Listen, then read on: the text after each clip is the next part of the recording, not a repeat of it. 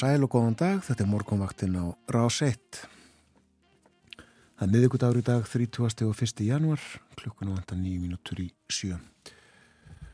Og það er ágættis veður á landinu, ljómandi veður í Reykjavík, svolítið svalt, en nánast logg.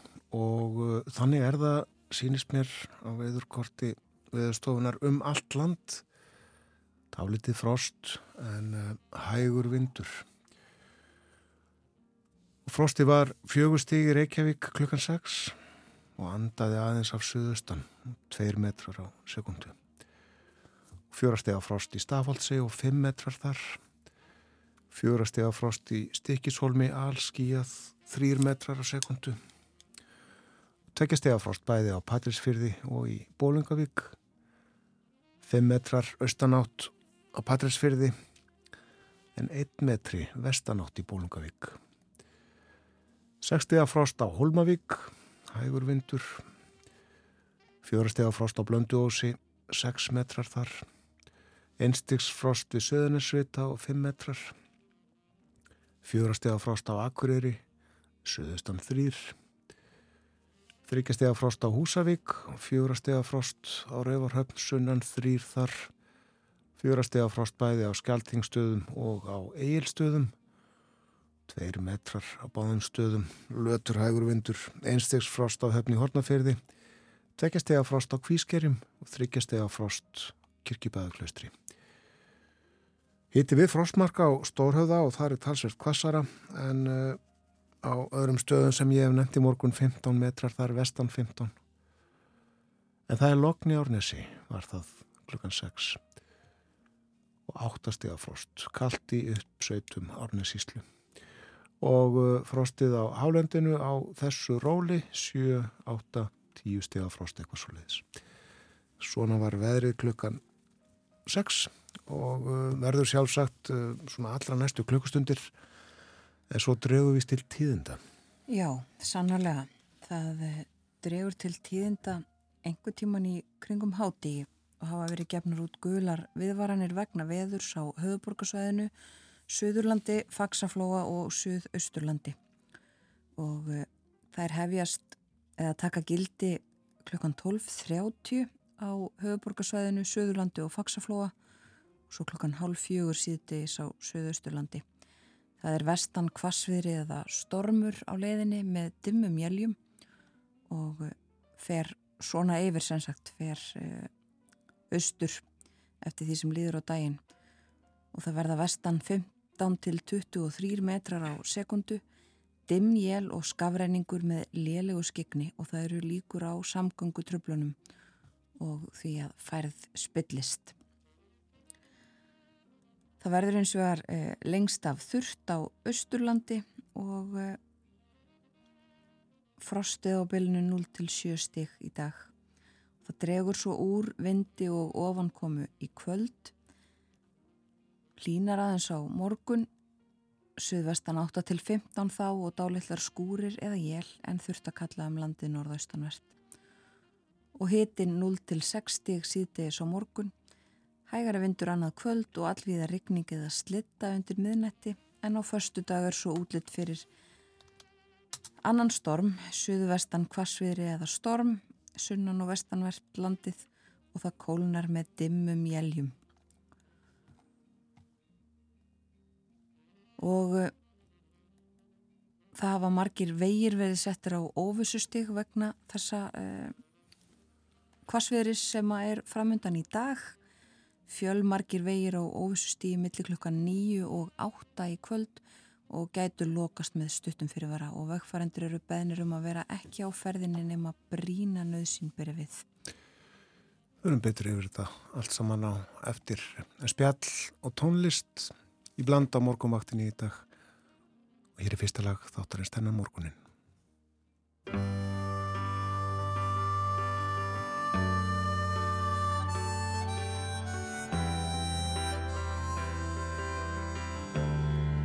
The road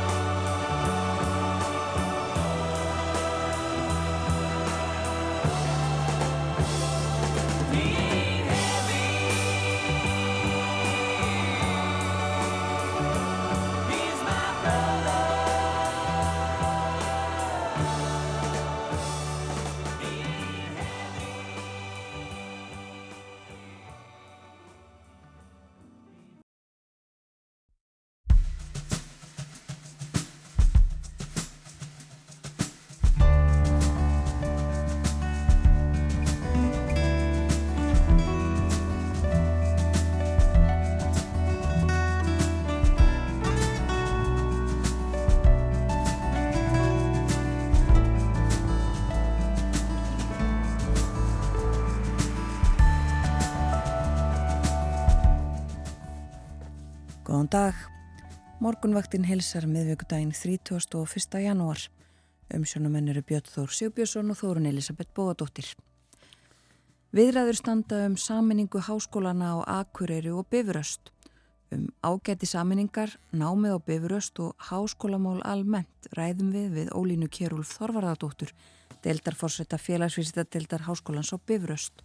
Ólína verður hjá okkur rétt upp úr klukkan hálf nýju, hálf átta. Íslensku bókvendaverlunin eh, er það að fendi kvöldu hátilega að töfna bæsastöðum Tilhendar eru 15 bækur í þremur flokkum og glæpasagnaverlunin Blóðdrópinn þau verða líka veitt. Þorgir Tryggvason, bókmentagagrinandi í Kiljunni verður hjá okkur hálf nýju og við spjöldum um bækur og bókmentir og lestur og dönskmálefni svo dagskrá eftir morgunfréttir Borgþór Argrímsson fyrir yfir það sem er efsta bögi í dönsku þjóðlífi þessa dagana og hann velur fyrir okkur eitt danst lag að hlusta á Við tölum um veðrið, eh, já það er gott sem stendur en eh, á eftir að vestna eins og við fórum yfir áðan og nefndar svo sem í fréttonum hér uh, áðan líka. Já, verður vestanátt í dag 8 til 15 metrar á sekundu og viða jél en töluvert kvassara 15 til 23 metrar á sekundu sunnanlands eftir hádegi. Lengst af verður þurft á Östurlandi og frostið í dag 0 til 7 stig, dregur svo úr vindu og ofankomu í kvöld verður skapleira veður á morgun en svo aftur von á kvassviðri eða stormi á föstudaginn. Og það eru gular viðvaranir sem að taka gildi eftir hádegi á höfuborgarsvæðinu á Suðurlandi og Faxaflóa. Það er taka gildi klukkan hálf eitt, standa í mist til hálf sex eða fimm, hálf sex og hálf sjö á þessum slóðum. Veðrið fer sem sagt til austurs, viðvörunin í gildi til hálf sjö á Suðurlandi og svo tekur gildi gul viðvörun á Suðausturlandi hálf fjögur til klukkan sjö í kvöld. Og uh, það verður vestan kvassviðri eða stormur og dimm jél. Lélegt skigni og líkur á samgöngutröflunum og erfiðum akstur skilirum á þessum slóðum og uh, líka fjallaðum þetta ekki bara sem sagt á vef viðstofunar heldur líka vef vegagerðarinnar. Það eru fjölmarkir vegir sem hafa verið settir á óvissustig e, meiruminn í allan dag og gætu lokast með stuttum fyrirvara. Og vegagerðin beður vegfærendur að vera ekki á ferðinni nema brína nöðsinn beri við. Það er mikil lausamjöll yfir og því umtalsverður skafreiningur og eins jél eða snjókoma. Bæði verður blind og hægt við verulegri óferð, jafn innan bæjar sem og úti á vegum, vegum ásækið. Og það er tiltekið að eh, Krísuvíkurvegur er nú þegar lokaður en uh, þetta óvissu stig og uh, það sem að uh, vegum verður mögulega að loka með mjög stuttum fyrirvara. Ja, það við um Reykjanesbreytina til dæmis, Suðustrandaveg, veginum Kjálnes, Mósfellsheiði, Þrengsli og Helliseiði. Og dýrnendisheiðin hún er nú þegar lokuð og hann í morgun var vegurinn um Súðavíkur hlýð opnaður og hann hefði verið lokað í gerðkvöldi, sendi gerðkvöldi vegna hættu á snjóflóðum og fjallraunar snjóflóð þarna í fyrra kvöld líklegast en uh, þarna er opið núna samkvæmt vegagerðinni. Já og uh, þó að þessar uh, viðvaranir eigi við á, á Suðurlandi þá er vetrarfærið um allt land og víða verulega skert skikni, sérstaklega á fjallvegum, segir vegagerðin. Meira þetta á eftir uh, lítum aðeins í blöð. Uh, hér á fórsíðu morgunblæðsins er rætt við Helga Magnús Gunnarsson, vararíkisaksóknara sem að hefum átt þóla ítrekkaðar hótanir af hálfum mann sem sætti ákeru ég ætla að ræskja mig mann sem að sætti ákeru og var dæmdur fyrir Ímis brot árið 2022 og þessar hótanir hafa borist með tölupóstum og uh, sumar einnig beinstað fjölskyldu helga. Og uh, Helgi Magnús segir í samtalið um morgunblæði ég hef aldrei á 25 árum mínum í þessari þjónustu þurft að þóla svona hótanir eins og þessar sem eru enn í gangi og tölvupústar berast. Og uh, hann segir meðal annars frá því að það kemur fram í, í þessari umfjöllun að, eða í dómi sem að feltur yfir þessu manni að, að þessi maður hafi einhverju sinni komið á skrifstofur Ríkisaksóknar Þetta var í mars 22-2022. Og þegar fundum hans og Helga bar saman sagði viðkomandi meðal annars, samkvæmt frásögn vitna, I will kill you. Og uh, fjallaði ítalegar um þetta í morgumblæðinu í dag eins og áður saði rætt við Helga Magnús Gunnarsson. Nú af uh, léttaratægi að það er uh, unnið að skráningu íslensku sundmenningarinnar á uh, minjaskrá UNESCO, þannig að það eru fjallar talsvært um þetta og rætt við Sigurlaugu Dagsdóttur sem að sérum þessi mál. Hún er verkefnistýra vefsins lifandi hefðir og kemur fram í máliðinar að það vantar stuðningsyfirlýsingar við þessi áform, þessi áformum að koma sundmenningunni á skrá hjá UNESCO. Og hvetur hún, já alla sem að vellingi geta valdið til þess að skrifa undir. Og það er þetta að gera á vefsíðunni lifandi hefðir. Og segulög auðvitaðbjassin á að náist að safna náðu mörgum stuðnings yfirlýsingum fyrir marslokk en uh, þá er skila frestur á tilnefningum og uh, hún segir við erum að leita til einstaklinga, hópa félaga samtaka stopnana og auðvitað sveitafélagana sem að halda úti almenningslaugunum og uh, við veitum að akkurat núna er fjöldi fólks á leið í sund. Einhverju kannski konur upp úr eftir sundsprett morgunsins. Það má kannski nefna það líka fyrst við erum að ræða um sundlugarnar. Ég held að hluti af vetrarháttíð sem hefst á morgun sé sundluganótt. Þá eru einhver dagskrá í flestum sundlugum á höfuborgarsvæðinu og uh, opið fram á kvöld ímislegt fleira uh, og alls konar sagt, viðburðir í gangi. Var ekki verið að stýta uh, opna tíma sundlugana allavega í Reykjavík? Nefnilega, ég veit ekki hvort að það hefur tekið gildi en jú, það var stittur eh, opnunatíminum klukkustund á kvöldin held ég. Mm. en þetta er svo að uh, fyrsti hlutin af vetrarháttíð það eru sundluganótt og svo safnanótt. Þá að öðru það er sagt hérna frá nýri þjóðarsbá Íslandsbanka og um hana er rætt í dagmálum morgunblæðsins við Jón Bjarka Bentsson Hagfræðing Íslandsbanka, aðal Hagfræðing og uh, þar er því sem sagt spáð að launmunni á þessu ári hækka um 6,5% og uh, um 5,5% á næsta ári og 4,5% uh, árið 2026 og getur við þá þess að í dag verður sáttafundur hjá Ríkisáttasemjara í kjaradeilu, þetta er orðin kjaradeila uh, millir þessara félaga sem hafa myndað með sér breið fylkingu annars vegar og svo samtaka atvinnlýsins hins vegar.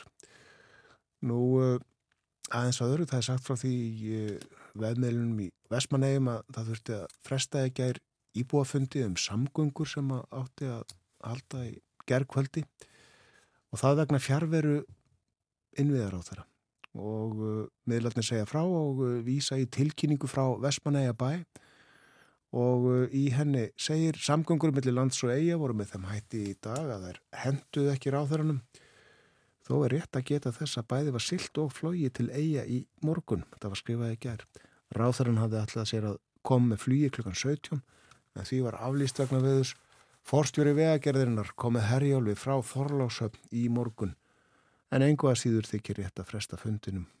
Úr því að þinn pólitíski ábyrðamaður samgangna getur ekki sótan fundurum verður auglistur þegar ný tímasetning hefur fundist. Og þá er eins gott að spáum sér góð og hún rættist. Nú austur á land, Þorrablótinn auðvitað í gangi, húist reyndar snemma í janúar sömstaðar en Þorring gekk í garda á förstu daginn síðustu viku og um helgina fer fram komablótið í Nesköpstað og það er haldið í 50. og 8. skipti og stefnir í með þáttöku uh, hafa selst 640 miðar og þetta er meiri aðsókn heldur en búist var við. Það voru bara prentaðir 600 miðar og þurfti því að hafa snöður handtök og prenta fleiri svo allir geti verið með sem vilja koma blótið neskvöstað. Einmitt það. Förum þá aðeins út í heim. Það er fjallað um fyrirtækið Nordic Waste á fórsýðun, uh, fórsýðun á politíkan í dag. Þetta fyrirtæki sem að Borgþór Argrímsson hefur sagt okkur frá nexlinu í kringum það. Borgþór verður með okkur hér á eftir, eftir frettirnar klukkan átta og segir okkur frekar af uh, nýjustu vendingum í þessu stóra máli. Það er allavega ljóst að uh, það eru ekki enn öll kurlkomandi gravar þar. Þetta hefur verið fórsýðu efni uh, já, allavega svona annarkvæð dag frá því að Borgtúr sað okkur frá því hér síðast. En fleiri frettir færum okkur til Svíþjóðar. Emmanuel Macron, Fraklandsforseti, var í heimsókn í Stokkólmi í gær og fundaði með Úlf Kristersson, fórsetir á þeirra Svíþjóðar og fleirum. Þeir rættu ímislegt auki samstarf og vinskap. Það er það sem að setja á fórsýðuna eh, í fórsýðu textana á Svenska Dagbladet í dag. Það er eh, líka eh, fjallað um það að þeir rættu um kjarnorkumál, það er útgangspunkturinn á fórsýðun á dagins nýheter í Svíþjóð. ætla að skoða kjarnorkumálinn og svo er greint frá því öðrum fjölmjölum að Makrón rætti líka um Úkrænu. Evrópusambandið verður að taka djarfar ákvarðanir til þess að verja Úkrænu og þetta sagðan í ræðu sem hann held Makrón í Svíþjóð og það tekið fram að uh, Svíjar séu það ríki sem nú býður eftir því að komast inn í Allandsafsbandalæðið, NATO. Og Makrón sagði að það er því að uh, taka já djarfar ákvarðanir ekki bara þegar kemur að Úkrænu heldur þegar kemur að öryggismálum í Evrópu til frambúðar. Uh, þetta eigi við um uh, vopna samninga og sitt hvað fleira það sé ekki lengur hægt að ákvarða svona mál með því hvað Bandaríkin og Rúsland geri. Evrópa hafi rétt á að ákvarða og taka ákvarðanir um sínar, sína eigin framtíð. Og uh, þessi ræða kemur uh, nú skömmu áður en að leðtóðar Evropasambandsins hittast í Brussel til þess að mitt að ræða um fjármögnun til Úkrænu og uh, það verður á morgun fymtudag, það er framhald á fundum í desember þegar að ekki var hægt að ná samkómulagi og afgreða svona stuðningspakka til Úkrænu og uh, annað uh, samhengi eru þetta það að uh, enn er óvisa um hvernig fjármögnun til Úkrænu verður háttað frá bandaríkjónum og óvisanum það eikst ef að breytingar verða á stjórn bandaríkjana áherslan þar auðvitað á í kostningabaráttu þessa dagana og fram á næsta vetur. Og fleiri frettir frá Svíþjóð, það er líka sagt frá því aðal frettin á forsýðuna á Svenska dagbladet er af því að komið hafa verið veg fyrir fluttning sænskra fjölskyldna frá Gaza. Svíjar hafi verið, hafa verið að, að uh, flytja fólk bæði ríkisborgara og líka fólk með uh, dvalarleifi uh, rétt til þess að búa í Svíþjóð.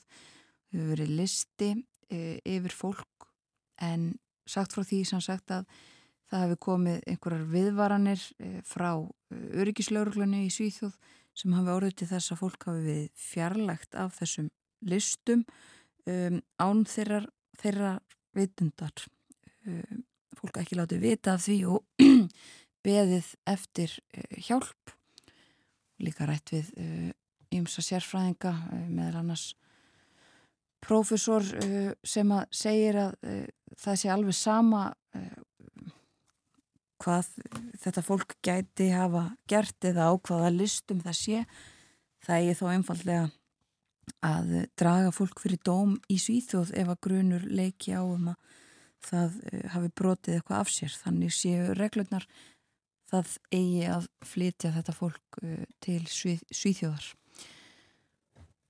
Og uh, þetta er uh, stóra málið á fórsíðun á Svenska Dagbladet í dag í breskum fjölmjölum fjallaðum ímislegt meðal annars það að stjórnvöld í London séu varuð við því að ætla sér að ráðast í skattalækkanir eins og einhverjir hafa uh, bóðað þessi alveg að gjaldir í sjóðurinn sem að vari meðal annars við því að, að slíkt sé gert.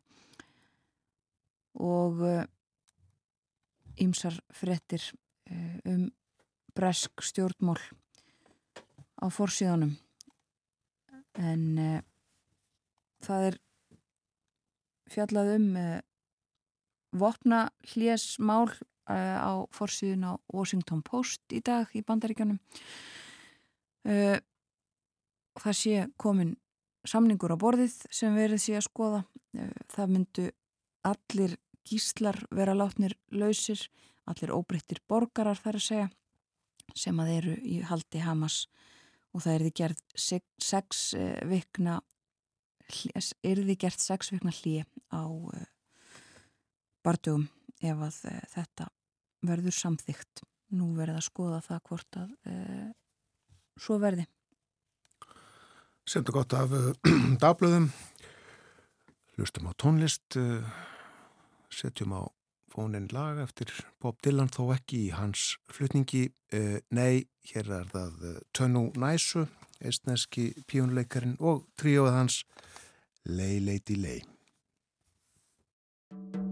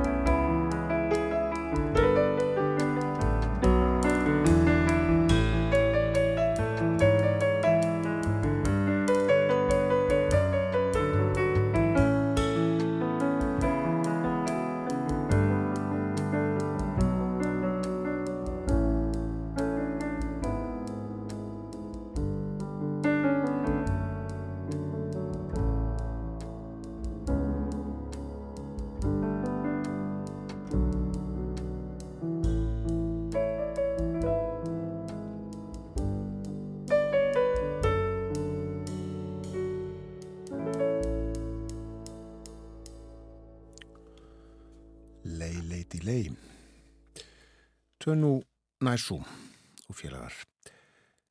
Stýttist í frettæfliti þjá okkur hér á morgunvaktinni eftir það verður Ólína Gerúl Þorvaradóttir gestur okkar. Við ætlum að tala um uh, háskólamál og uh, við ræðum saminningu háskólans á Bifröst og háskólans á Akureyri. Svo minn ég á að eftir fréttir klukkan átta verður Borgþór Argrímsson með okkur, dönsk málefni og dasgrá og milli hálf nýju og nýju fjöldum við um bækur og bókmentir, uh, rittöfunda og lestur. Íslensku bókmentaverlunin verða aðfendi kvöld og uh, gestur okkar í bókaspjalli verður Þorger Tryggvason gaggrinandi kiljunni og svo margt fleira runnar. En uh, frettæfilegt kemur þér eftir smá stund fyrst auglýsingarnar.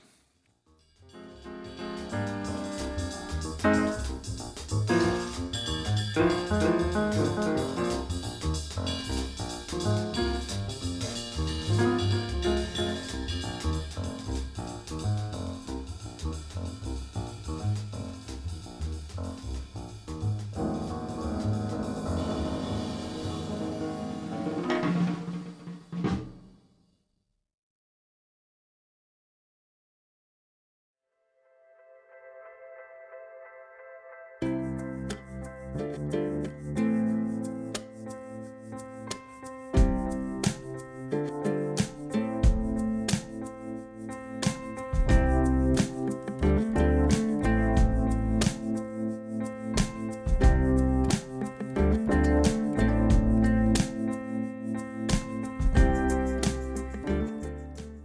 þetta er morgunvaktin á rás 1. Það er miðugudagur í dag, síðasti dagur janúar mánar, 31. janúar í dag. Klukkan réttliðilega hálf átta. Það er vona á vondu veðri og uh, guðlar viðvaranir í kortunum sem að taka gildi í hátteginu klukkan hálf eitt.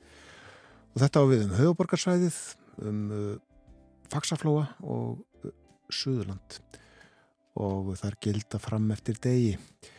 Og uh, við verum fyrir Suðausturland tekur svo gildi hálf fjögur setni partin í dag.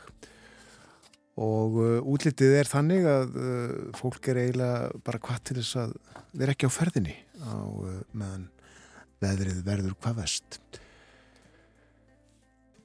Og eins og við sagðum frá, hér fyrir fréttaðefliti þá ætlum við að fjalla um dönskmálefni eftir morgun fréttinnar klukkan 8 Borgþór Argrímsson verður með okkur. Og uh, svo er það bækurnar og bókmentirnar, vítt og breytt milli hálf nýju og nýju í tilhefni að því að Íslensku bókmentaverlunin verða að fenda á bestastuðin í kvöld. Hjá okkur verður Þorgir Tryggvason gagrinandi í kiljunni. En uh, nú ætlum við að fjalla um háskólamál Það er stemt að saminningu háskólans á Akureyri og háskólans á Bifröst og nú standa yfir viðræður þarum, formlegar viðræður, háskóla ráð háskólans á Akureyri og stjórn háskólans á Bifröst ákvaðu að stíga þetta skref eftir að físileika greiningum samstarfiða saminningur á fyrir. Og hér hjá okkur á morgunvaktinni er Ólina Kjerúl Þorvaradóttir Hún er deildafósetti félagsvísindadeildar háskólans á Bifröst og við ætlum að spjalla um þessa fyrirhugðu saminningu og ímislegt er varðar, já bæði Bifröst og háskóluna almennt í landinu. Velkomin til okkar. Takk fyrir það. Sko, uh, á nokkrum fræðasviðum háskólans á Akureyri hefur evasemdum verið líst og, og þessi físileika könnun ekki sögð nógu góð og upplýsandi. En hvernig hefur þessu verið tekið í, í röðum ykkar á bifröst? Já, það er aðeins, við erum á aðeins öðrum stað varðandi afstöð okkar heldur en kemur fram í þessum álíktunum frá deildunum við Háskólan og Akureyri. Reyndar vil ég nú taka það fram að við skiljum vel og ég skil vel þar áhyggjur sem eru reyfaðar í þeim álíktunum. Það er bara eðlilegt þegar svona stórt mál, þegar verður þeir að sigla því í höfn að, að fólk lýsi áhyggjum og evasemdum og þurfa að fá svör við spurningum. Nú hafa stjórnendur beggjaskólana og ráð þeirra sagt að það verði haldið áfram vinnunni með hliðsjón af þeim áhyggjum sem að líst hefur verið þannig að það er hitt bestamál. Já. En við höfum verið uh, jákvæð, gagvart þessum hugmyndum, starfsfólk háskólans á Bifröst. Hefur verið, þess hefur verið vel gætt eiginlega frá því að hugmyndin kom upp að hafa gott og mikið samráð við starfsmannahópin Við höfum haft nokkra starfsmannafundi, allsherjar starfsmannafundi og rætt þetta mál, upplýst, reynd að svara spurningum. Stjórnendur skólans hafa lagt sig verulega fram um það að í, þessari, í þessu ferli sé það skóla samfélagið allt sem að hérna á hlutamáli. Að það sé ekki verið að toga vagnin á móti einhverju hérna, einhverjum evasemdum og, og ansbyrnu. Þannig að sko við erum, við erum, starfsmannahópurinn er jákvæður, við, ég persónulega sé í þessu hérna gríðali tækifæri fyrir háskólasamfélagið að ég tali nú ekki um þessa tvo háskóla. Að nýta samlegðina af styrk þeirra og sérstöðu.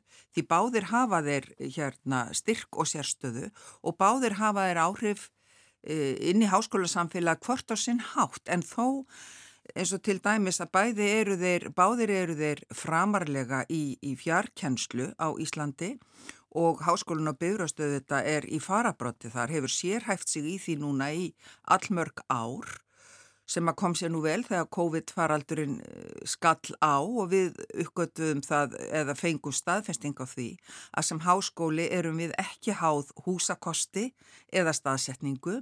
Við erum skóli í skíjónum og okkar nefnendur geta lært heima. Já, akkurat, akkurat. Það eru þetta býsna langt á milli þessara skóla sko í kílometrum eh, en taknin og veröldin bara orðin þannig að það skiptir litlu máli í dag eða hvað?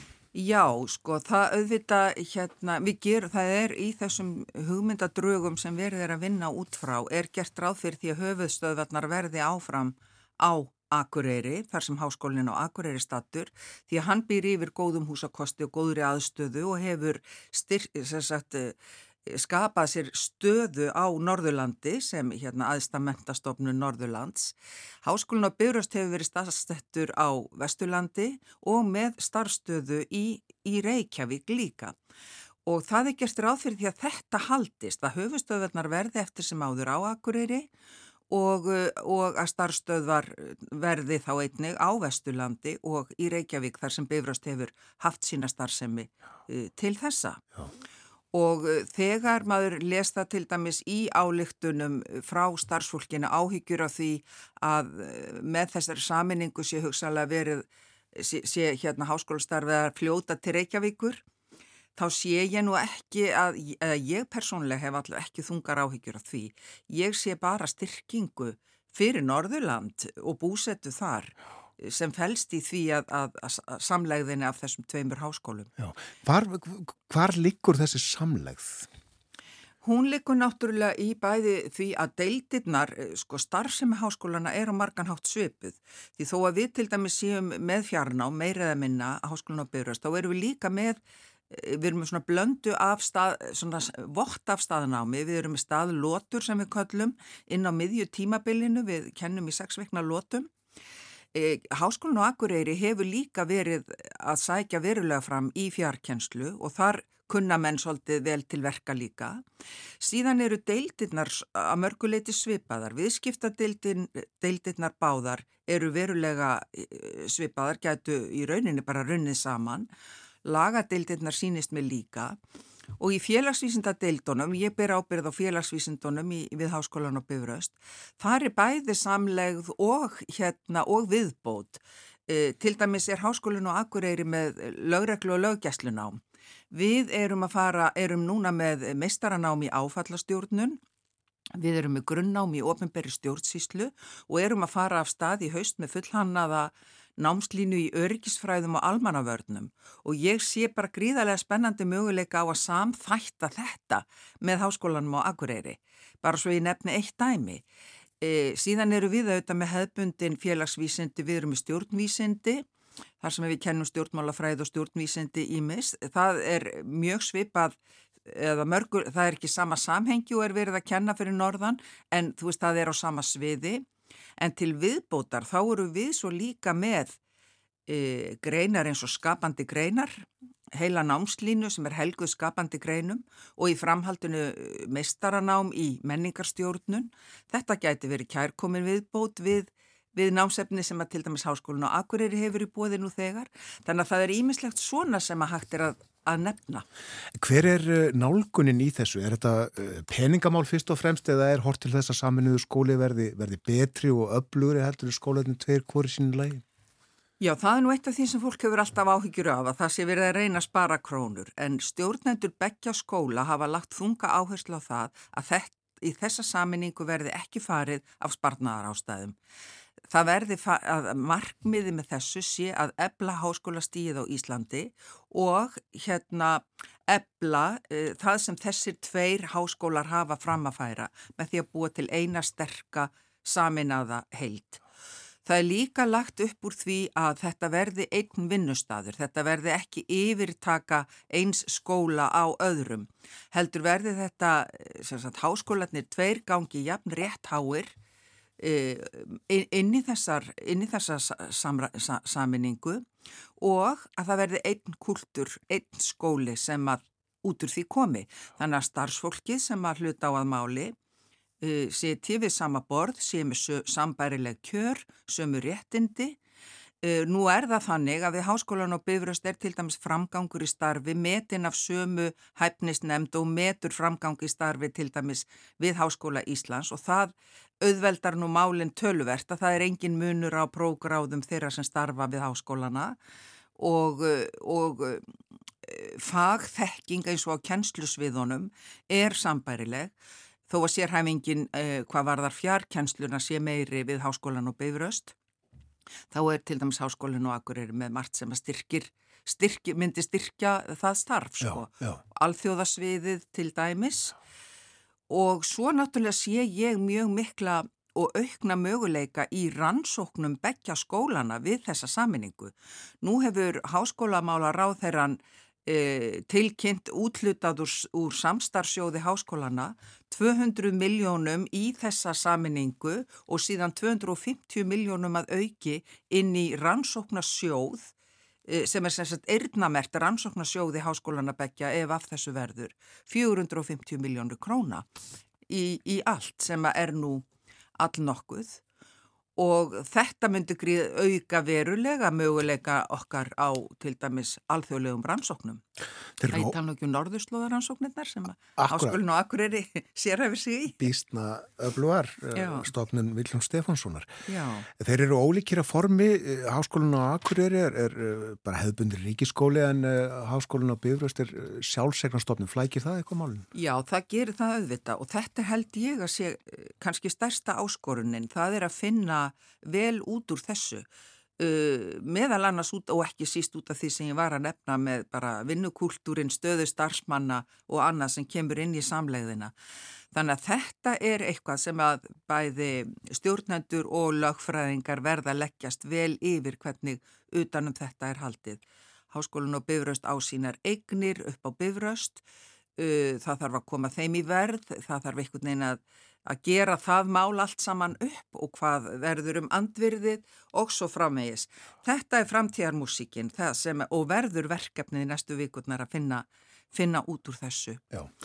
En það sem að náttúrulega skiptir máli að það er hugssjónin og bakvið þetta ferli sem er að fara stað núna er svo sama og réði för þegar uh, háskólanum á Akureyri var komið á og þegar háskólanum á Bifröst þegar að hann hóf göngu sína í formi gamla samvinnuskólans þegar Jónas frá Hriblu var að stopna samvinnuskólan sem að stopnaði svo líka reyndar mentaskólan á Akureyri sem var forsendan fyrir stopnun háskólans á Akureyri. Þannig að þetta er mikið byggðamál, ekki síst vegna fjarkenslunar sem að náttúrulega tegir sig yfir all síslumörk og landamæri. Já, það eru margar uh, hliðar á svona málum. Uh, Er, er þetta gert á forsendun námsins uh, geta, uh, eru nefendur þarna í öndvegi og, og þeirra þarfir og Ég, kröfur og hvaða nú er? Það er náttúrulega mjög mikilvægt að, að hafa og allt snýst þetta nú um að bjóða góða þjónustu þeim nefendum sem sækja nám við báðaskólana og hafa samráð við nefendafélögin Það hefur verið gert á bifröst og ég hef nú trúið því að það sé líka gert á akkur og sé ekki búið að því þá verður það áreðanlega gert. Það skiptir auðvitað mjög miklu mála að sé vanda til verka í þessu samhengi og það séu faglegar og fræðilegar forsendur sem líka til grundvallar. Það eh, er líka verið að vinna að, eða ræða um eru viðraður um saminningu Háskóla Íslands og Háskólans og Hólum. Það eru núna sjö háskólar í landinu. Mm. Er nöðsynlegt að þínum dómi að fækka þið með saminningu? Og nú svara ég bara persónlega fyrir mig. Ég sé engum offsjónum yfir fjöldaháskóla. Ekkert frekar ég sá offsjónum yfir framhaldsskólunum á sínum tíma. Ég mann þegar var verið að spyrja þegar var verið að framhaldsskólanum voru að rýsa einn af öðrum út á landi og, og það var sagt hvað ætlið bara drita þessum skólum niður í alla landsluta og svari var bara já, við ætlum að gera það, það á að gera það. Ég horfi svolítið svipað á háskólamálinn. Ég veit að ég er ekki alveg á sömu slóðum þar og til dæmis ráþeirann og, og fleiri, en í þessu tilviki hins vegar sé ég mikinn styrk í því að samina þessa tvo skóla og ég held að það geti líka verið mikill styrkur í nánara samstarfi og saminningu háskólans og hólum við, við Háskóla Íslands vegna þess að það er stemt að því að háskólinn og hólum fá að halda sjálfstæði sínu sem er kannski það sem er mikilvægast. En, eh, en sko fyrir háskólastarfið í landun er það auðvitað ekkert endilega neikvægt að það séu margir háskólastarfandi. Það er, það tryggir ákveðna breytt. Það var nú lengi þannig að Háskóli Íslands var eini skólinn eini háskólinn á Íslandi og þetta var fræðilegt Vatíkan. Þannig komu allir embættismenn landsins og, og fylgtu dómskerfið og fylgtu prestastjettina og læknastjettina það er ekkert endilega æskilegast. En, en hérna en þegar hægt er að nýta og leggja vel saman sérhæfing og styrk, þá er það líka mjög kærkomið tækifæri Já. og það er tækifæri sem ég sé hér. Já. Þannig að, að uh, þú vilt ekki sjá að, að öllum háskólunasins verið steift saman í eitt stóra? Nei, ég myndi nú ekki vilja sjá fyrir mér hérna, þá framtíð, það verði ég nú að segja alveg eins og er. Er samkeppni millir háskóla í dag? Já, já, það er samkeppni og hérna, en hún er alveg hófleg og þess vegna held ég hún sé nú bara jákvæð svo langt sem hún nær, en það er samkeppni, vissulega. Við erum að, að róa, það, þeir eru margir að róa svipiðum miðum, en þar hefur til dæmis Háskólinn og Bifröst marka sína sérstöðu með, með hérna, fjarnáminu að við erum að mæta okkar nefendum þar sem þeir eru óháð staðsetningu þannig að fullorðið fólk, vinnandi fólk sem er að bæta við sementun eða allar að skipta um karriér eða hvað það er, að það getur uh, sótt námið hjá okkur uh, á þeim tíma sem hendar því í, í mjög tröstu hérna, umhverfi, vef umhverfi sem hefur verið hannað utanum fjarkjensluna en, en uh, á sínum forsendum. Þetta eru þetta gríðlega breytingar sem hafa orðið þegar þú varst í háskóla þá var ja, internetið ekki til ekki til og maður mætti alveg döðsaujaður inn í, inn í hérna inn í stofur í árnagarði eldsnæma morguns og, og, og, þar kvektu kennarar í síkarettum og nefnendur reyktu með og svona. Það hefur margt breyst. Maður þú... saknar sums en annað en þetta er mikill að bóta. Þú hefur líklega ekki segið þetta fyrir að, að, að þessi breyting muni verða þetta, þessi tæknibreiting en, en uh, það kannski er svolítið sérstakt að hugsa sér að fara í gegnum háskólanum við tölvuna heima.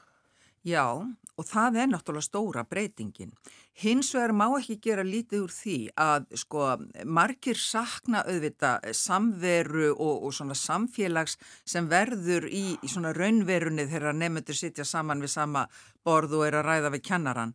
Þess vegna höfum við til dæmis reynd að sko hafa alltaf einu sinni á hverju í, í, í þessum sexvegna lótum okkar, svo kallaða staðlótu, þar sem allir koma saman, nefnendur og kennarar og það gefur kost á bæði samræðunni, hópavinnunni sem eru auðvitað líka hægt að vinna á netunni en það er svona önnur, er önnur ára yfir því og svona þessu, þessu samtali sem er, er og félagslegu samveru sem er svo mikilvæg. Já.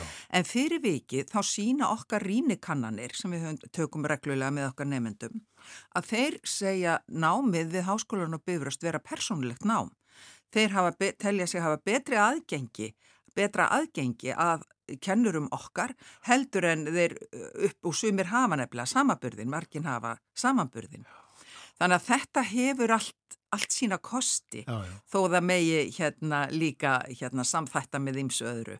En hún var uh, ónættilega bísnar romantísk uh, þessi hugmynd og, og framkvæmt á náminu og byrjust á sínum tíma þegar nefndunni voru þar á kampus. Já og það var sá tími, þá var bifröst uh, bara heilmikið samfélag og, en, en verulega háð þá er líka sinni eigin staðsetningu og sínu húsakosti þarna á bifröst. Það eru bara breyttir tímar. Síðan kemur fjarkjenslan til sögunar, það skella yfir heimsfaraldrar og það er svo margt sem breytir slóðinni. Þannig að við erum ekki, og sem beturferð, þá erum við ekki lengur eigum við ekki allt undir því að vera á einhverjum tilteknum stað. Nei. En þó að sko húsakinnin og byrjast séu núna að fara í einhver önnur nót og stjórnendur háskólans og byrjast leggja mikla áherslu á það að þau fá einhver góð samfélagsleg nót e, þessi húsakinni. Að þetta verði, þetta verði eitthvað sem getur verið gefandi og nærandi fyrir samfélagið þegar því verður komið í önnur nót. En e, þó að svo sé að þá er nú bara háskólinn og byrjur og siglir tröstari byr núna í því formi sem hann er. Heldur en hann hefur gert nokkru sinni áður. Við erum með, þegar sko núverandi rektor tók til starfa fyrir nokkrum árum, þá er einn prófessor við háskólan, nú er þeir átta. Bara í félagsvísindadeildin hjá mér, þar sem eru átta á hálft akademist stöðugildi, eru átta doktorar, er fyrir ekki að sjö doktorar. Þetta er bara verulega önnur staða heldur en var bara fyrir stuttu síðan. Nú erum við virki alþjóðlegum rannsóknum, það er mikil vaksandi rannsóknarvirkni hjá okkur.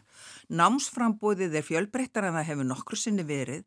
Þannig að skólinn er að blómstra þó hann hafi, þó það sé komur upp mikla í húsnæði ykkur staðar og, og þó að það sé verið að, að hérna, huga að vistaskiptum. Gott, gott. Uh, Ólina, kanntu tímalínuna í þessu? Uh, veistu hvaða tíma uh, fólk hefur tekið sér í að komast að endalegri neðustuðu um hvort að þessu verði eða ekki saminningu háskóluna á Akkurir og Bifröst? Ég veit ekki um tímalín. Sko ég hef á tilfinningun að þetta verði menn muni nú reyna að bara halda vel á spöðunum og vinna þetta svolítið þétt en láta þó ekki tíman stjórna sér í þessu. Sko reynslan sín er að svona saminning tekur alltaf 2-3 ár allavega, svona allavega full fram, og uh, þannig að uh, við skulum nú bara rekna með þetta takið sinn tíma en ákvarðanaferli held ég að þurfa að ganga svolítið rætt fyrir sig. Já, það borgar sig að vanda sig. Það var alltaf að vanda sig og þetta er vandaverk. Þakka fyrir að vera með okkur hér á morgumaktinni. Takk alveg fyrir að bjóða mér. Ræðum þessi mál, Ólina Kjærúl Þorvaradóttir, deildar fósetti félagsvísinda deildar Háskólans á Byrjast. Við tölum um uh, saminnaðan háskóla, uh, Háskólans á Byrjast og Háskólans á Akureyri, en formlegar viðræður standa nú yfir uh, eftir uh, niðurstöður eða útkomu þess að maður kallaði er físileika greining og uh, það eru viðræðu nefndir af halvu skóluna sem að uh, fara yfir þetta áður höfðu háskólaráð háskólans á Akureyri og stjórn háskólans á Bifröst ákveðið að stíga þetta skref að eh, fara í formlegar viðræður um þetta. Að eh, öðru það eh, stendað saminningu undistofnana eða stopnana ráðunettisins sem að Guðlaugur Þór, Þórðarsson fer með umhverfis orku og lofslags ráðherra er hann og var greint frá því Á vef stjórnaráðsins í gær að eh, ráþrann hefur núna mælt á alþengi fyrir fyrirvarpi til eh, laga um nýja stopnun sem á að heita umhverfis og orkustofnun og uh, þarna á að samina sem sagt orkustofnun og þann hluta umhverfistofnunar sem að lítur að umhverfis og lofslagsmál og þetta er eitt liður í umfangsmiklum saminningar áformum á þessum bæ Stofnaninnar eh, undir eh, ráþæranum eða ráðunettinu eru held ég átta en stemta því að það verði þrjár að lokum og uh, til dæmi stendur til að sameina náttúruvendarsvið, umhverjastofnar, minnjastofnun, vatnajökulstjóðgarð og þingvallaþjóðgarð. En um þessi áform á lesa betur á vef eh, stjórnaráðsins og eh, finna þar eh, sérsvæði umhverfis orku og lofslagsráðunittisins. Þetta var uh, pólitíkinni eða stjórnsíslunni en uh, þá að uh, alþingi fundur, þingfundur klukkan þrjú í dag og þar fyrsta mánudags á störð þingsins og svo verða ímismál eftirlit störf byggingastjóra til að mynda þar sem að eh, Björn Levi Gunnarsson byður innviðar á þeirra um skýslu og uh, fleiri mál þarna tiltekin búverulög til dæmis og fjárvinnustefna. Það er uh, þingsálutina til að sem að Þorbjörg Sigriður Gunnlaugstóttir flyttur og nefndafundir fyrir hádegi og nefnu við þá þennan fund sem að framferi stjórnskipunar og eftirlitsnefnd. Við myndumst á hann í gær Bjarni Bendiktsson mun koma fyrir fundin og hann verður opinn hefst kortrifi nýju og þarna er til umfjöldunar upplýsingagjöf til ráþæra um stöðu bankasíslu ríkisins sem sjálfstæðra stofnunar og um framkvæmt hæfisregluna stjórnsíslu réttar við undirbúninga sölu á hlut ríkisins í Íslandsbanka í eh, mass 2022 en er þetta Íslandsbankamál Íslandsbanka sölumál til uh, meðferðar hjá þinginu? Og uh, að því er að tala um þessa fundi nefndafundi þingsins fjálaða nefnd fundar. Og þar er á dagskrá í dag framkvæmdir ríkisins á þessu ári og skilamatt ég veit nú ekki hvað áttið með því skilamatt en uh, þau kunna skila því í fjallaðanemdini og uh, fjallaðum á fundinum í dag.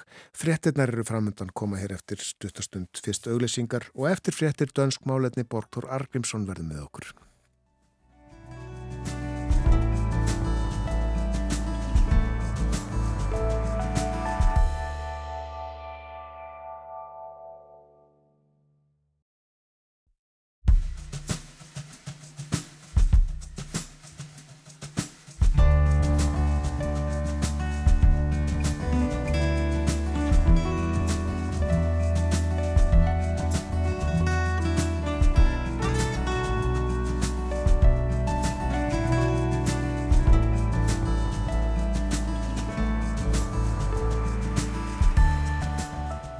Aftur.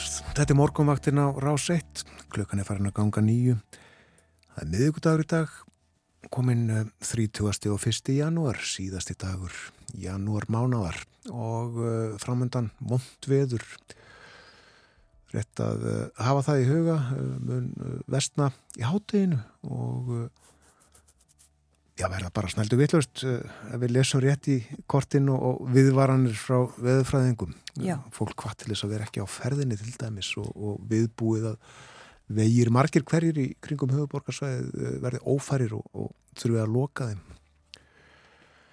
En uh, hér áðan hjá okkur var uh, Ólína Kerúl Þorvaradóttir við uh, töluðum um þessar fyrirhuguðu þessa fyrirhuguðu uh, saminningu háskóluna á Akureyri og Bifröst að standa nú yfir viðræður um þau mál. Ólina er deildafósiti félagsvísinda deildar háskólans á Bifröst og uh, henn líst vel á þetta.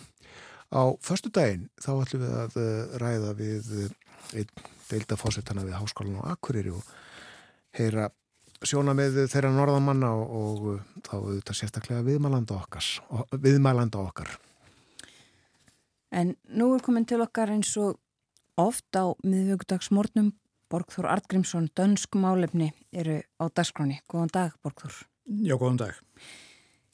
Ég um ekki að byrja aðeins á handbóltanum. Eh, Dönum tókst ekki að krækja í Európamistara-titilinn um helgina en það munaði litlu. Já, það er rétt. Eh, Heimsmeistarætni þeir eru það að setja sig við annarsætið og, og þar nefndi Silvrið það er nú gerða mjög mikla kröfu til íðsin sem að hefur verið meðal þeirra bestu árum saman og, og, og vita skuldir Silfrið alveg frábær árangur þó að gulli séu auðvitað betra en skiptast náttúrulega á skín og skúrir í þessu eins og öllu öðru eitt dansku dagbladana sagði að orðaði þetta ágætlega, sagði að þótt að hefði nú aðeins dimt þá kemur nú sólun aftur upp. Já, það er vel að orðið komist. Já, já, ég held að sé nú þannig og að menni nú svona jafna sjálfi á þessu og una bara við þetta og, og ætla hann sér kannski að reyna einhvern veginn að bæta fyrir þetta á ólimpíuleikánu hvernig sé það verið nú. Akkurat, já. En það er nú annað sem hefur nú verið meira til umfjöldunni samt í núna undarfærið en, en handbóltin og það er mál sem við töluðum um senast þegar ég var hérna.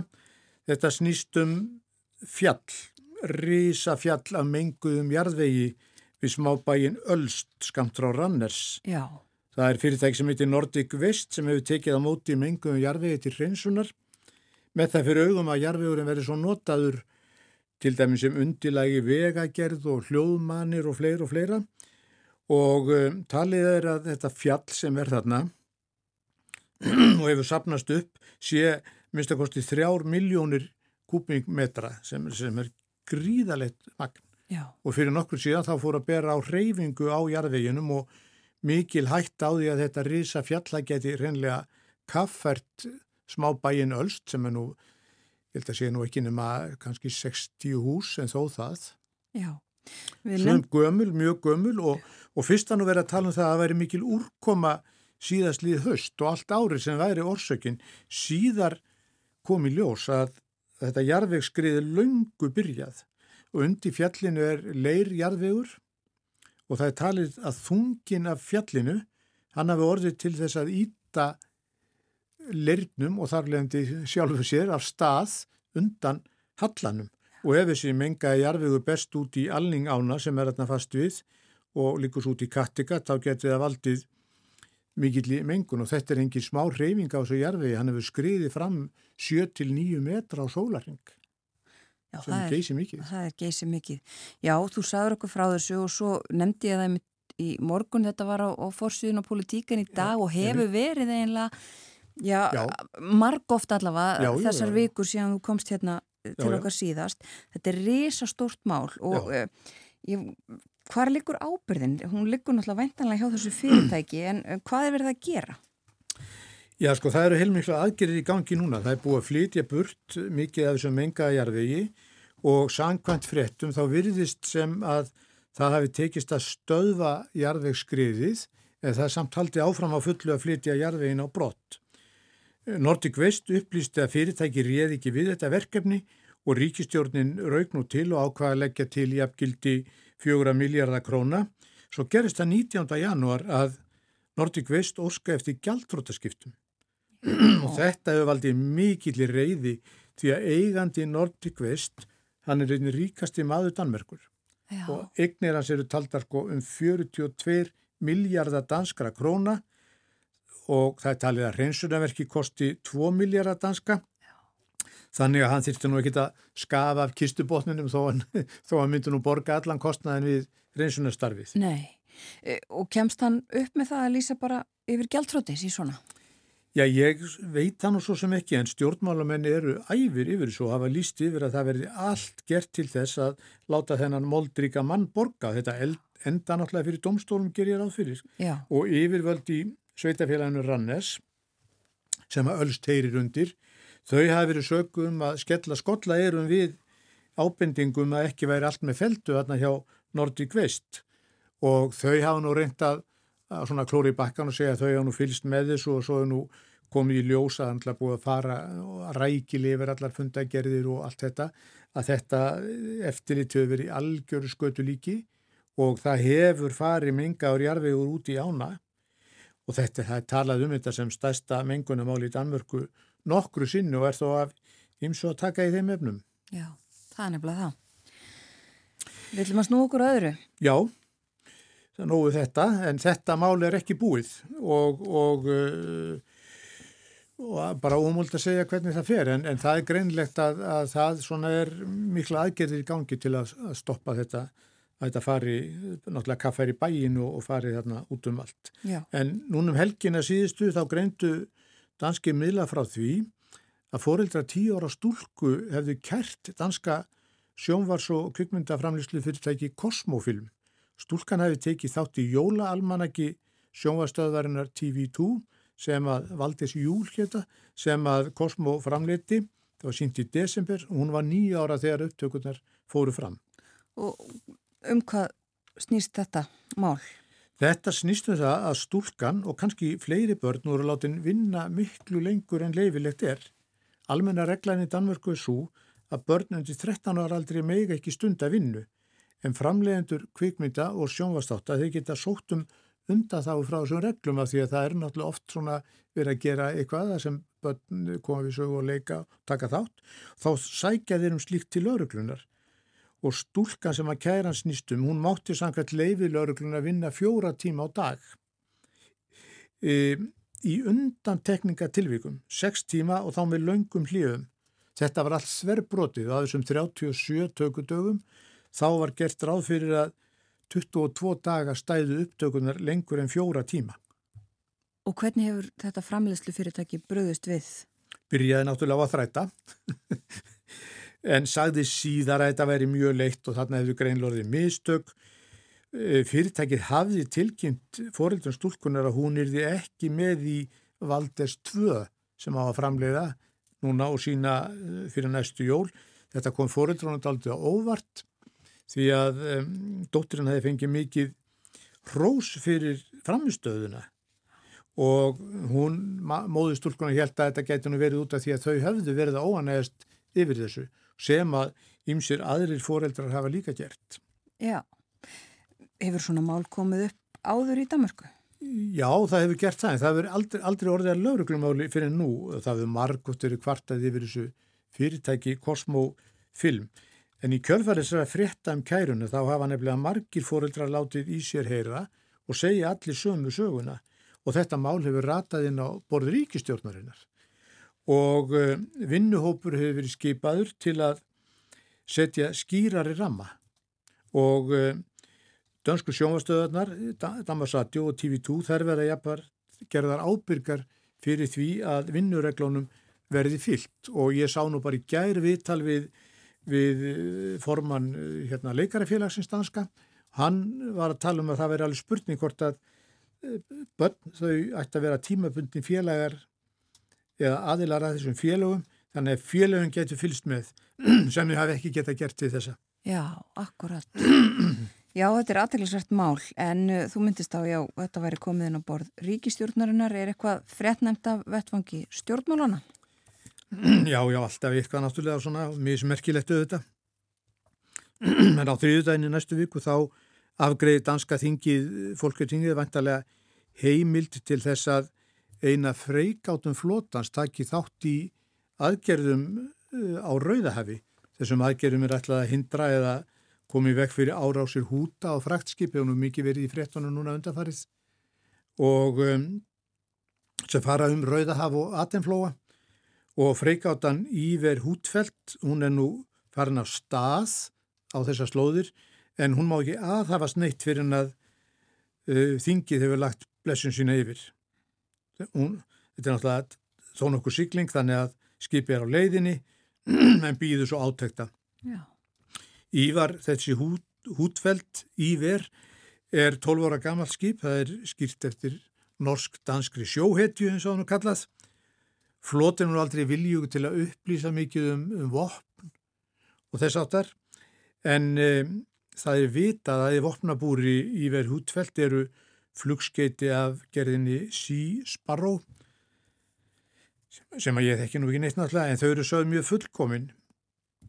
Þau eru hins vegar ekki langdræk en þau eru ekki á neinu rakettuverið, þau kosta 200 miljónir eða jafngildi 200 miljóna íslenskra krónar stikkið Já. og fjárveiting til þessara flugskeita á þessu ári er hins vegar mjög takmörku, hún dugir bara fyrir fimm svona flugskeitum. Já, þannig að það borgar sig auðvitað að fara sparlega með þetta. Já, vanda sig. Ástæðum. Vanda sig. Já.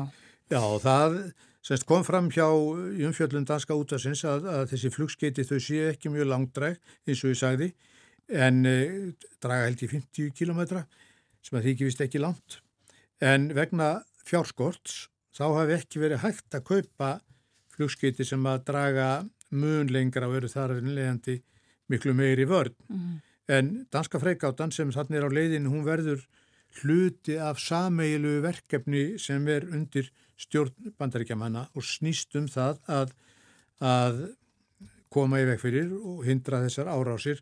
Þetta snýst náttúrulega um syklingarleiðina því annars þurfa er að, annars þurfa ef við geta skip geta ekki farið um, um súeskurðin þá þurfa við að fara söður fyrir og það lengir ferðarlæðum sko, ég veit ekki hver ósköpun öll og þar alveg til kostnaði náttúrulega og tíman sem fyrir í það. Já, og Danir hafa ákveðið að taka þátt í þessum ákveðum. Já, já, þeir hafa nú lengi, þeir hafa verið þetta með skip áður, þannig að þetta er nú ekkit í, þetta er nú ekkit í fyrsta skipti. Nei. Við höfum nú okkur enn orðið týrætt um, um konungs fjölskylduna að undarförnu? Jú, jú. Já. Breytingar þar? Já, breytingar þar heldur betur og, og mikið fréttaefni fyrir utan auðvitað handbóltan og, og, og hérna uh, mengunafjallið mikla. En núna er konungurinn í dag að fara í fyrstu ofinbjöru heimsóknina og það er til Pólans. Já. Og það er margt á dagskráni og hann segist vera búin að hann segist vera búin að æfa sér mjög vel fyrir allt það sem á að gera og þetta er þryggjadaga heimsókn og hann uh, hittir alla mögulega og lítur við hinga og þangað og þetta er líka náttúrulega svona sö, sölu herrferð þó að með segið hann og kannski ekki berum orðum. En þetta þýðir það að, að á meðan, semst frá deginum í dag og fram á förstu dag, þá er það krónprinsinn Kristján, sá sem er nýjórðin 18 ára sem að er svona, já ég veit ekki hvort maður á að segja staðgengils kongur. Einmitt. Já, hann, hann, hann er þá aðsti, aðsti maður í ríkinu þennan tíma sem að fadir hans er að heiman og hann er náttúrulega algjörlega óvanur þessu en, en um, hann getur nú leita ráða, hann getur farið yfir í næsta hús og leita sér ráða þar hjá ömmu sinni, hún er nú, hún er nú vön. Hún er nú vön. Í þessum bransa. Öllu vön og, og getur hjálpa til. En þeir hafa fjallat aldrei um þetta danirnir að, að, að um, hann sko á ríkisásfundinum þarna sem var 14. november Janúar, þá skrifaði já. hann undir þessa hátilegu yfirlýsingu um að, að virða stjórnarskrána og lögin í Danmörku og það þýðir að að því að hann er krúnuerfingin þá þýðir það að hann yfirtekur starfið ef að kongurinn er í burtu. Já. Svo ef að hann væri, hefði nú til dæmis líka farið til Pólans með, þá kemur röðina sko næstu, það er aðna nokkur í röðinni, Margrit Drottning og, og síðan er það Jóakim og, og einhverju fleiri, ég kannu ekki þá röð. Einmitt. En uh, er ykkur ástæði eitthvað að gefa út um það hvers vegna uh, Fridrik fer til Pólans í sína fyrstu heimsók? Nei, það nú ekki. Ég held satt að segja að það sé nú ekki neinn hefð fyrir því að fara fyrst til Pólans. Nei. En, og er, er kannski engin hefð fyrir því að fara til einhvers tiltekis lands. En, en, en þetta sem sagt, já þetta er svona frekar laung heimsókn á þennan mæli hvaða þrý dagar. Já. En hérna, ég get nú svona nýtt í aftan við þetta allt saman að að þó, það sé nú algjörlega óskilt að núna 8. janúar þá var lokað verstun sem að ég held að margir Íslandingar kannist við. Hvaða verslun er það? Það er, það er verslun sem að heitir Slaktirinn við Kúltorfið. Já. Kúltorfið er nú þarna á Kupmækaði á leiðin upp á Nörriport og það mjög margir sem að fara þarna um og Íslandingar kannast örglega vel við þetta. Margir hverjir, þetta er svona vestlun sem er búin að vera síðan 1888, starfsfólki alltaf með kúluhatta mm. og það, það sko var fyrirsagna efni á öllum miðlum held ég með þessi í Danmörku þegar að sá sem var búin að reka þessa vestlun árun saman dó fyrir ekkert mjög löngu síðan og það nú ekki á hverjum degi sem að ykkur kjött, kaupmaður með fullur viðingu fyrir þeim öllum er til umfjöllunar á dagblöfum vegna þess að hann hafi rökkið upp að. En það er Núna er sem sagt búið að loka þessari búð. Já. Eigandi sagði að það væri samkeppnin við stórmarkaðina og koronaveiran og svo sífelt herri húsalega sem væri orsökin það og það væri ekkit annað að gera bara en loka. Akkurat. Þannig það var og þannig er það en Borgþór það er komið að danska læginu. Já, það heitir Vinterdagi og það er nú kannski okkur finnst að vel við eigandi þessa dagana. Þetta lag samti Pítur H.G. hann er forsöngvar í Gnags sem að margir þekkja nú og margir þekkja, þekkja líka flytjandan sem er Söðs Fenger, Vinter dagi. Hlustum á það, takk fyrir í dag Borgþór Artgrímsson. Já, sömulegist takk.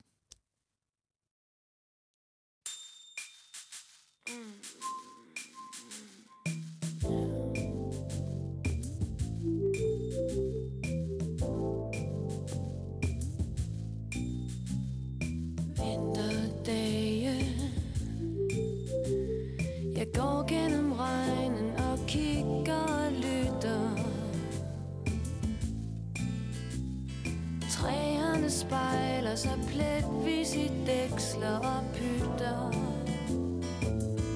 Yeah, vinterdage Jeg ånder en sang op mod himmelens grå Tålmodig som frø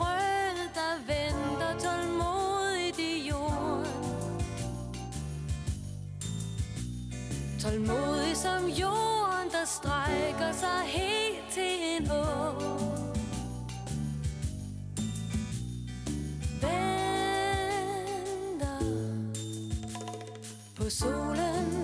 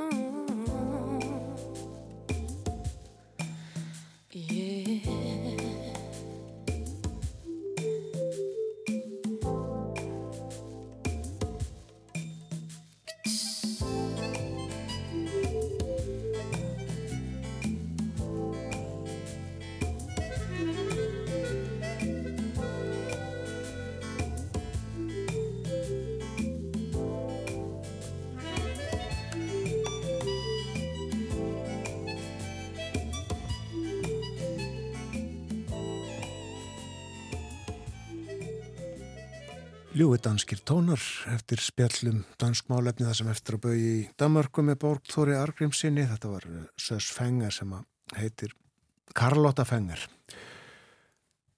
Virt og vinsæl í heimalandinu. Já, má kannski nýta því við að við töluðum um Nordic West fyrirtækið og uh, nú hefur danska ríkistjórnin sagt að það er ansaka sveitafélagi þarna sem að Borgþór talaði um Rannes. Framöndan auglýsingar og fréttaeflit og eftir fréttaeflit þá ætlum við að spjalla um íslenskar bókmentir. Tiletnið íslensku bókmentaverlunin verða að fendi kvöld.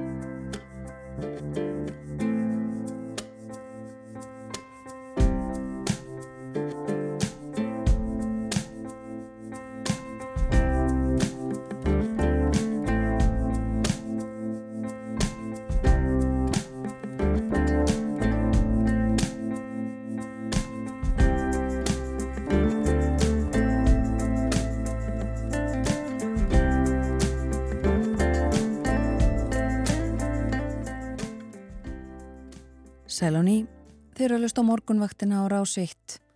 Klukkan orðin liðlega hálf nýju þennan síðasta dag janúarmánaðar og síðasta hluti þáttarins framundan. Björn Þór og Þórun Elisabeth hafa verið hér frá því snemma í morgun og verðum hér í hálf tíma enn eða svo. Og það er kannski rétt að hafa yfir veðurhorfurnar einu sinni enn. Það er ílviðri í kortunum búið að gefa út gular viðvaranir á höfuborgarsvæðinu, Faxaflóa, Suðurlandi og Suðausturlandi. Þær fyrstu taka gildi rétt um hádegi hálf eitt og eh, gilda fram eftir degi. Það er von á vestan kvasviðri eða stormi og eh, dimmum jæljum. Til viðbútar við það verður skafræningur með lélegu skikni og það eru líkur á því að aksturskilirði verði erfið, færð geti spilst og samgöngutrublanir verði töluverðar.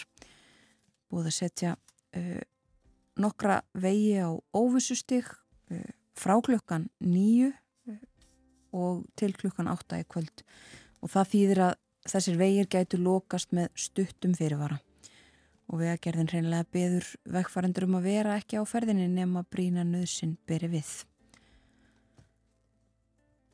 Verður sagt frá þessu nánar eftir því sem liður á daginn og kannski skýrist aðeins betur nákvæmlega hvenar veðrið skellur á hvar og hvenar því slotar. Við vonum að það verði fært út á Altanes en íslensku bókmyndaverlunin verða afhengt á bestastöðum í kvöld. Þau voru fyrst veitt 1989 og hafa síðan skipað allvirðulegan sess í bókmyndalífinu og verið uppspretta umræðu um bækur, bókmyndir og höfunda og verlunin hafa líka verið deiluefni. Fólk hefur ólíka skoðanir á formiðar á framkvæmt. En 15 verk eru tilnefn til íslensku bókmyndaverlunana í þremur flokkum, í flokki skáldverka, í flokki barna og ungmennabóka og í flokki fræðibóka og rita almenns efnis. Og svo verður blóðdrópinn líka aðfendur í kvöld. Það eru sérstök glæpasagna verlun. Hér hjá okkur á morgumvaktinni er Þorger Tryggvason. Hann er gaggrinandi eða álitskjafi í kiljunni og auðvitað unnandi góðra bókmenta. Hann les mikið veit ég og ég held að mér sé þetta að segja að sé lestrarhestur eða bókaormur. Velkomin. Takk, takk. Er þetta ekki rétt? Þetta er aldrei. Gengst við þessu? Já, já, já. Hefur þú lesið allar tilnæmdu bækunar? E, nei, ég er búinn að lesa allar e, öll skáldverkin e, og ég held reynlega þó skömm sér frá að segja enga af tilnæmdum barnabókum eða fræðibókum sem er dálítið óvinnilegt. Ég er nú yfirleitt dálítið sýtsóltið um að komast í þetta sem að heitir á ennsku non-fiction en, en hérna, við vitum ekki hvað við erum að kalla. Og óvinni lítið að krimmum og ég held enga af þeim sem eru tilnefndar. Þannig að ég er að koma mjög illa lesin í þetta próf. En ég ætlaði næst að spyrja, hefur þú lesið margar góðar? Er það margar góðar að þessum tilnefndu og, og já, þá erum við hér að fjallaðum fimm bækur. Já, já, þetta eru nú uh, bara mikla príðis bækur sko, held ég allar saman og, og hérna ég var nú kannski af þeim sem tilnefndar eru, var, var ég nú sennilega hrypnastur af bók Eiríks Arnar Nordal hérna náttúru lagmálunum en þetta er alls saman miklar þrjusu bækur sko, það er bara gaman að sjá hver stendur uppi með nýju stittuna Auk uh, hans uh, eru tilnefndi á Steinu Sigurðardóttir, auður afa Ólafsdóttir, Bjarni M. Bjarnason og Vilborg Davíðsdóttir. Já. Þetta eru skáldverkin. Eh, aðeins að útgáfunu á síðasta ári, var þetta almennt talið uh, gott bókmenta ár á þínum hætti? e, ég held að það sé alveg hægt að segja það sko. þegar ég hérna ég, þegar ég er svona að byrja þegar að flóðið byrjar á haustin þá svona framan af er maður svona að reyna að fá einhverja tilfinningunni hvort þetta sé eh, líkt eða ólíkt betri eða verra en, en einhvert meðalár og svo þegar að allt er búið þá einhvern veginn verður þetta allt saman dálítið líkt sko. það er alltaf einhver summa af bókum sem heillar mann mikið aðrar sem að, hérna, eru kannski ekki alveg þar en alveg ágetar samt og einhvern veginn, mér finnst orðið mjög erfitt að átta með því sko hvort eitthvað sé betrið að vera ár þetta er hérna þetta er hérna, ég held að sko eins og vinsmakkarar sem að segja að þetta ár sé betri en annað sko, ég, ég held að þetta sé allt saman pínu sjálfsblekking Já, já, akkurat. En var eitthvað sem að engjandi þetta ár? e, mér fannst svolítið hérna áberandi e, hvaða var mikið og fjölbreytt svið af, af sögulegum skáldsögum. Það var svona eitthvað sem ég staldraði aðeins við það, það vekur náttúrulega bara eh, svona, maður setur þann ratar í gang þegar maður átt að segja því að tveir svona öndvegis höfundar er að skrifa sögulega skáldsögum sama efnið. Sem sagt Einar Már Guðmundsson og, og, og Ófegur Sigursson báðir að skrifa um kampsránið og þurriði formann svona glæpamál frá, frá Suðurlandi frá 19. öld og hérna og, og þá einhvern veginn fer sá ratar í gang og þá allt í nú hrúast upp í huganum sko, skáldsögur sem eru byggðar á sögulegu efni Eh, tvær hérna tvær hérna, skáldkonur stíga fram með sögur um formæður sínar hérna Nanna Röggvaldadóttir með völskuna og, og hérna Kristín Ómarsdóttir með móður ást Otni uh, tilnefnd hérna tvær eh, tilnefndar sögulega skáldsögur. Það er bæði Vilborg Davíðsdóttir með hérna bókum um Vikinga og Væringja Já. og svo hérna uh, Bjarni Bjarnason með sögu Drauma Jóa sem var sögulegur maður á, á Norðausturlandi. uh, Dúnstúlkan í þokunni heiti bókin Einmitt. Og landnæturinnar heitir bók Vilborgar. Já, þannig að eh, og, já, og svo má ekki gleyma Einari Kárasinni sem að er búin að vera að þróa einhvern eh, mjög persónulega nálgun á eh, sögulegu skáldsóni eða sögulegu nóveluna eiginlega bara síðan hann skrifaði Stormfugla og nú er það, það heimsmeistarinn ég er ekki, reyndar ekki múin að lesa hana en, en hérna þetta eru þetta er bísna skemmtilegt hérna, skemmtilega aðferð sem hann er búin að vera svona móta Eisfulega. Uh, ég les hann að hafa gaman lesum fyrir sér. mm. Hann var þarna, já. Og svo kannski á næsta ári, eða þessu ári sem að núna en ég hafið verður ekkert, ekkert sögulegt, engar formaður. Ná, nákvæmlega, e- eða einhvern veginn kannski aðeins færri Já, eða. Já, engin veit sko en, en hérna þetta eru þetta bæði höfundar sem eru svona svolítið að vinna á þessum akri og búin að gera það jafnvel lengi eins og, eins og ófegur sem er náttúrulega svona veriðst vera svona höfundur sem er forn í skapi og, og nýtur sín í, í, í gamlu málsniði og, og, og alls konar skrítnum sögum úr fortíðinni. En svo líka höfundar sem að maður hefur nú kannski fyrirfram ekki búist við að tækju sögulegt efni til meðferðar. Kristín Ómarsdóttir kemur náttúrulega strax upp í hugan enda, enda eru hennar efnistök á sögulegu efni eh, þau eru vægast sagt nýstárleg og, og skemmtileg. Hún hefur verið öðrum slóðum til þessa. En uh, aðeins uh, að forminu á verðlununum, uh, vali í dómnendir var breytt fyrir nokkrum árum. Uh, ertu ánæðið með þessa breytingu sem hafa gerð? Já, ég held að sko umræðan um þessa eh, þetta, þetta form og þetta, þessa aðferð og, og útkomuna eh, finnst mér vera eh, hún verður, verður stundum dálítið hávær og, og er dálítið skrítin og ég held hún sé að einhver leiti byggða miskilningi skilst það Eh, það er sem sagt auglýst eftir eh, hérna, fólki sem hefur áhuga á þessu. Og það hljómar svolítið eins og þessi bara, þetta sé nánast eins og einhvers konar slempivall en það er það ekki. Það, er verið að velja inn í nefndina fólk með, með hérna eh, mentun og, og þekkingu og, og reynslu. En þetta, var, þetta er gert fyrst og fremst til þess að vika aðeins sjóndeldarhing þeirra sem velja fólk inn í þessa nefndir Já. og tryggja það að, að það sé, þetta verði ekki svona hérna verði ekki svona kunningjavætt. Og sko maður náttúrulega, hvað skal segja um, um niðurstöðuna, maður, maður er aldrei þetta er aldrei akkurat bækurna sem maður hefði sjálfur valið en hérna, það eru þetta fánýtt að hafa áhyggjur á því. Má eiginlega alveg eins segja að það sé bara, bara sem betur fer Já, og, og þetta er auðvitað umdelt líka sko valið sjálft og, og margir spurði núna þarna í byrjun desember þegar tilkynnt varum tilnefningarnar, hvar er gerðir? Hvar, hvar er gerðir og hvar eru bara ljóðin? Hvar eru ljóðin? Og einhverjir fóru í, í einhverja rannsóknarvinnu og það, þau, þau hafa borið nokkuð skarðan hlut í tilnefningum undanfærin ár og engin skilur held ég alminnilega hvers vegna og hérna og uh, mér, mér finnst mjög líklegt að þessi umræða muni á endanum leiða til þess að þarna verði einhver gerði einhver leiðrétting. Af því að það er ekki eins og ljóði standi eitthvað höllum fæti í, í hérna í útgáfunni eða í, í hérna ég held ekki einu svona hjá lesendum neitt frekar heldur en alltaf. Það er ekki búið að vera á gjörg, annars var ég að lesa mjög skemmtilega eldgamla bók eftir Hannes Pétursson núna í, í, hérna, í janúar þegar enginn kilja er til þess að setja manni fyrir. Og þar er hann að skrifa um sko vanda þess þegar að ljóðið er orðið alveg óform, óformbundið og, og frjálst og þar bara, það, það bara vera en ekki merkja. Hvernig eigi þá í óskupunum að leggja mat á það hvort þessi gott eða vond ah kannski er þetta hrjá hérna domnendarmenn og ég veit að þetta hrjáur mig stundum Við skiljum þetta ekki Nei, bara aðalega þetta minna. er þetta eitthvað verra en þetta Já.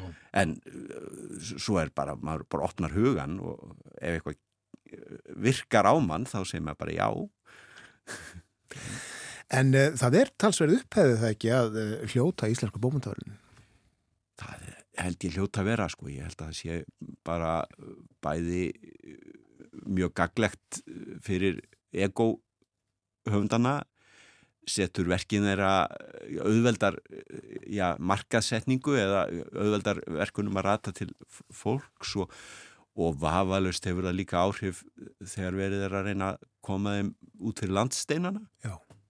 Ég, ég, reikna með því sko, ég þekki það nú svo sem ekki Og upphefði líka bara rúglega að vera tilnefndur. Já, já og svona fólk eins og ég sem er svona að reyna að, að lesa eiginlega mikið að ég fer stundum að skoða aftur í tíman sko hva, hvað, hvað var velveinað, hvað var tilnæmt fyrir mörgum árum og hvað á ég eftir ólesið af því sko. Þannig að þetta framhaldslíf bókana held ég hérna, eh, þetta verður áhrif á það sko. Einmitt. En sum hérna tilnefndu í ár uh, hafa áður hlótið verlunin, uh, sum reyndar oftar en einu sinni og mörg marg sinnis verið tilnefnd. Er þetta alltaf sama fólkið? E, nei, er það? Það finnst mér nú, það finnst mér nú ekki. Það er alltaf einhver, sko. Spurningin er eiginlega, er, er bærileg nýliðun í stjættrituðunda? e, mín tilfinning er að, að, að svo sé sko. það, náttúrulega, e, það landslag hefur náttúrulega pínulítið breyst með tilkomu formlegs náms í rillistanáms og mín tilfinning er að það sé sko það sé meiri sjálfströst og mynduleiki hjá ungum höfundum svona, sem er að stíga sín fyrstu skrefi, hvað skal segja, gefa út svona sínar fyrstu, fyrstu bók, fyrstu tvær bækur, að það sé svona fólk, það, ég hef tilfinningunni að fólk finnist að vita meira hvað það er að gera. Mm. Þannig að ég held að hún sé alveg, alveg þokkaleg, það er reyndar, það er engin, það er engin nýliði reyndar í tilnemdu skáldsögunum núna ekki að þessu sinni en það, það, er, það, það, er, það er samt oft og hafa jafnvel unnið. Akkurat. Þetta er auðvitað mikilvægt. Við þurfum alltaf nýja og nýja rittvönda. Já, við þurfum, við þurfum það. Já. Margir hafa ágjör að lestri. Hefur þú einhverja tilfinningu fyrir, fyrir því hvort að, að hér sé alltaf fara bara í skrúuna hvað lestur, góðra bóka var þar? Já, já. Það, ég hérna ég held að séu alveg ég held að fólk sé ekki að fara með eitt fleipur þegar það segir að það sé meira og meira af fólki sem er að komast á fullorins ár og, og, og les í rauninni aldrei bara, bara samátt og ég prjóna ekki. Bara, það, sé, það sé bara eitt af því sem það gerir bara ekki. Og það eru auðvitað finnst mér sem manni sem að lifi og hærist í þessu þetta er mitt stóra áhuga mál að líka í bókum. Bæði mjög sérkennilegt og, og, og sorglegt en, en hvernig, hvernig að breyðast við því er aftur annað mál. Já. Þið reynið að gera ykkar í kiljunni auðvitað. Við reynum það. Já, við erum mögulega daltið mikið að breytika yfir kórnum. Já, kannski. En svo uh, eru líka ágjör að þýðingum að uh, erlenda bókmyndir sé ekki þýttar í nægilega miklu mæli á íslensku. Já mér finnst nú bæði ansi mikið af, af, af svona nýjum bókum, umtöluðum bókum rata út og svo er nú verið aðeins að móast í að, að bæta í skörð sko klassískra verka. Mena, það kemur hérna kemur út slatti af, af, af svona öndvegisbókum í nýjum þýðingum að því að það er svona ímyndað mér sér dáltið að frumkvæði sko þýðend af, af hérna, fólk sem nýtur þess að þýða. Bara augljósa dæmið frá síðasta síðustu vertíð er, er, er að það tekur sig til maður og bara af einskerum einskeri ástríðu þýðir paradísarmissi Miltons og fær hann að útgefna í, í vandari útgáfu. Og, og fleiri, fleiri dæmi mætti, mætti nefna um, um, um þetta.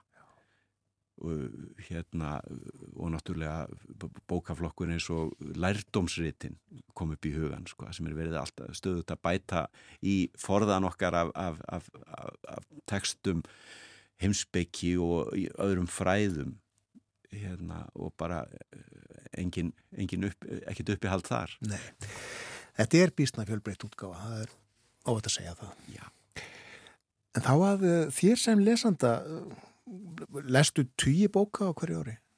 Já, já, ég les ég held mjög, ég held bókald að ég, bæ- bæði skrifa ég niður allt sem ég les bara því að ég les það mikið að ég myndi gleyma því öllu ef ég gerði það ekki og svo hef ég tamið mér það núna í, í, í ansi langan tíma að skrifa eitthvað um allt sem ég les allt bókakinn sem ég les á Facebook.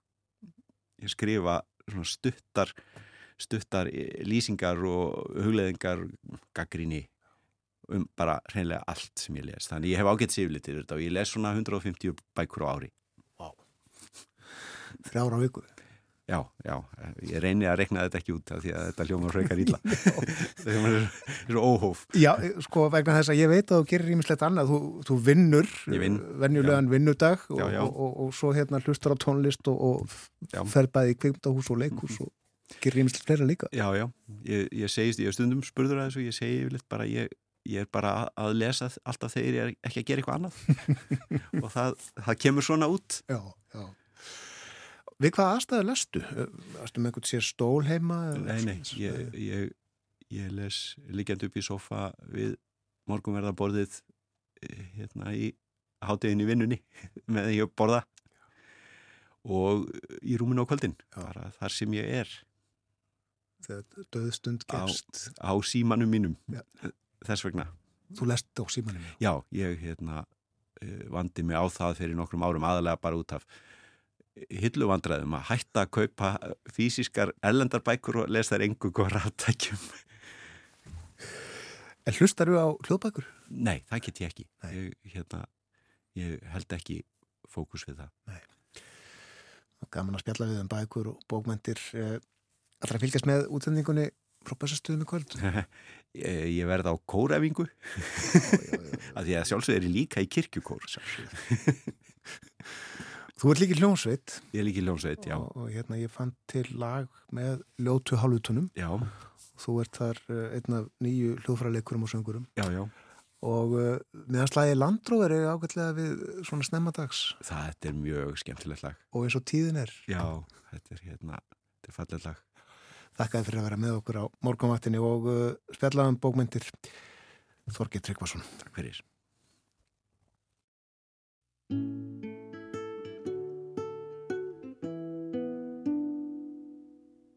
Hér sitt ég í leður klættum landróver. Læt mig dreymum þig. Kvöldsólin er kafrjóð og ég finn að fer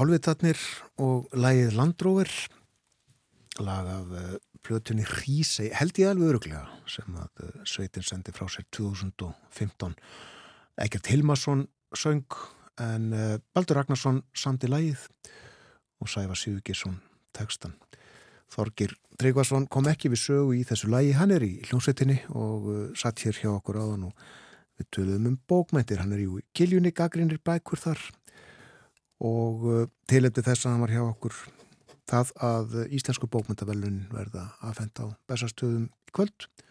Og uh, aðtöminni verður sjónvarpað.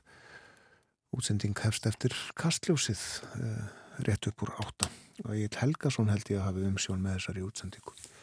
Við töluðum um dönskmálefni hér fyrir morgun, Borgþór Argrímsson var með okkur og uh, við langaði af því tilefni að við ekki aðtikli á tveimum kveikmyndum sem að síndar voru í sjónvarpinu um helgina. Á förstudagskvöldið var mynd sem að uh, heitir upp á íslensku Rittarar réttlætisins. Hörku fín mynd. Spennandi og fyndin. Pínlítið ógeðslega líka uh, sérkennileg blanda í þessari mynd. Og uh, svo lögadaginn uh, mynd af öðrun toga. Hún var uh, romantísk romantísk gamamynd og heitir á íslensku taktu í hönd mína þessar myndir má finna á við rúf rúf.is og með öðrum leiðum kannski í þar tilgerðum öppum Já, ætli það ekki. Við höfum rætt svolítið um færðina og, og trublanir á samgöngum hér á Íslandi í dag.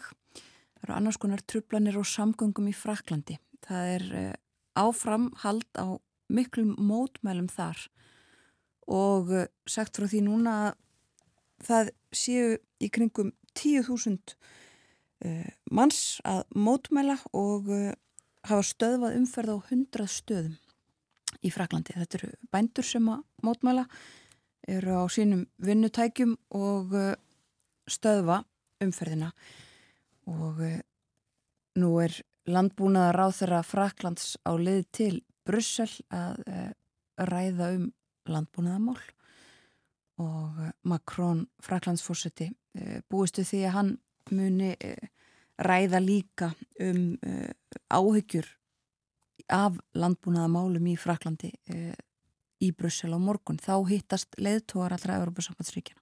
Þíski bændur hafa líka mótmælt. Akkurat, mikil mótmæli hjá þeim líka. En morgumaktin er að ljúka þennan miðvíkudags morgun, síðasta morgunin í janúar. Já, við heilsum í fyrramálið og uh, þá er komið februar, fyrsti februar á morgun. Við þökkum samfélgina þennan miðvíkudags morgun, vonum að þið fari varlega í dag í vondaverðinu. Verið sæl.